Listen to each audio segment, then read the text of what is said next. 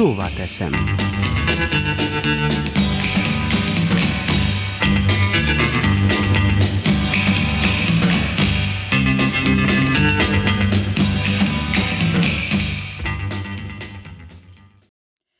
Köszöntöm a hallgatókat! Azt tartja a mondás, hogy az élet körforgásban van. Így a mezőgazdasági munkák, a betakarítás is, és vele együtt a felvásárlási problémák is évről évre menetrendszerűen jelentkeznek. Ez történt az idei aratáskor is. Az oly sokat emlegetett gabonalánc, melyet példaként hoztak fel más mezőgazdasági ágazatban dolgozók számára, tíz éves fennállás után szertefoszlott. A lánc részei, a parasztok érdekeit védő különféle termelői szervezetek, valamint a gazdasági kamarán belül működő malom és sütőipar küldöttei ugyanaz idei évben is tárgyalóasztal mellé ültek, de a megbeszélésről megegyezés nélkül távoztak.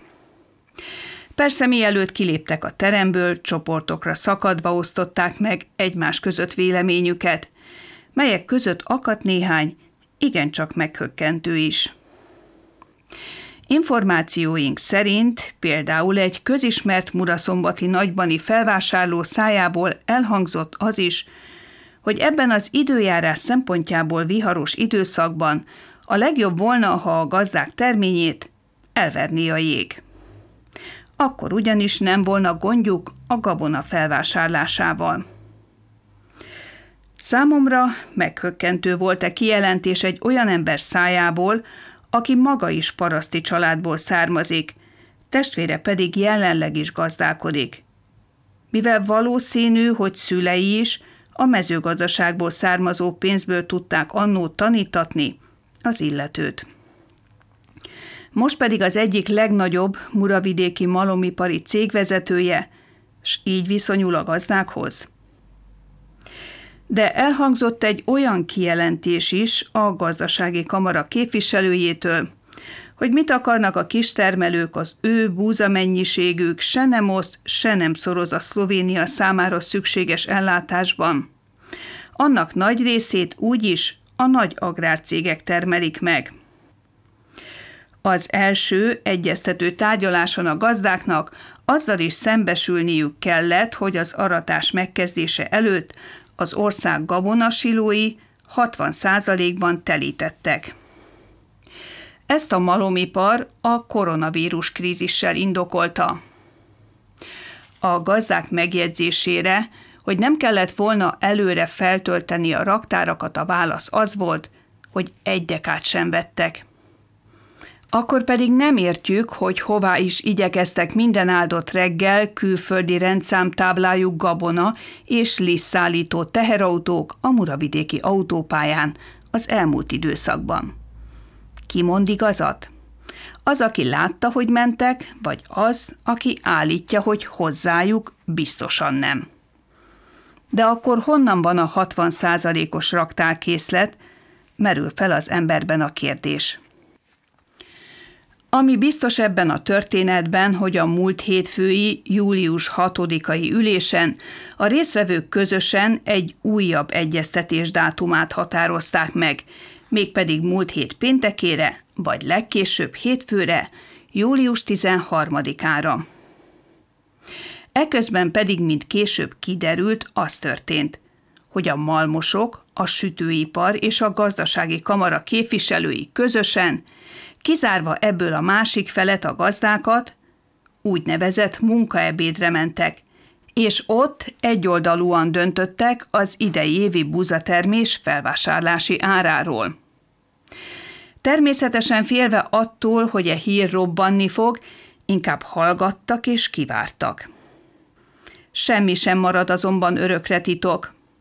Amikor múlt kedden a Korosec malom megjelentette saját árlistáját, érezhető volt, hogy valami van a levegőben.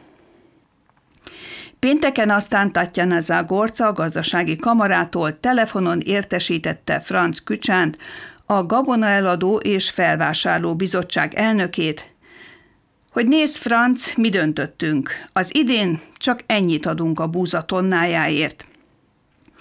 E hír hallatán a tárgyalásban résztvevő gazdálkodói csoport tagjaiban felmerült a kérdés. Ha nem tartották elfogadhatónak a gazdák követelését, akkor azt miért nem merték nyíltan a múlt hétfői egyeztetésen a gazdák szemébe mondani? Miért ködösítettek az újságírók előtt, hogy folytatni fogják az egyeztetést, majd a hétvégére mindenki saját felvásárlási árat és feltételt állított fel. A tavalyi felvásárlási árnál 10-12 euróval alacsonyabbat egy olyan évben, amikor a terméseredmények az időjárás miatt amúgy is alacsonyabbak. Ezek után nem csoda, hogy a gazdák csalódottak. Igazságosabb elosztást követelnének, s mint kijelentették, nem kívánják tonnánként 40-50 euró szuperkedvezménnyel támogatni a sütőipart. Mert nézzük csak jó esetben, mit is ér 6 tonna búza. Legfeljebb 1000 eurót. A boltban 6 tonna kenyér pedig 20 ezer eurót. Hol van itt az igazságosság? Tették fel a kérdést a gazdák, majd tovább számoltak. 13 kiló búzából 10 kiló lisztet lehet nyerni, abból pedig 15 kiló tésztát lehet gyúrni.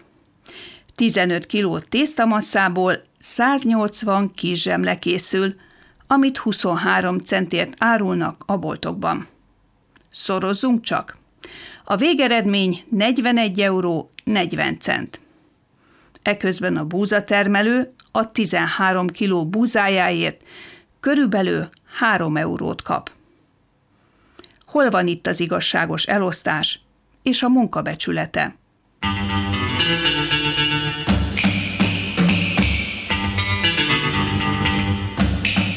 Szóval teszem.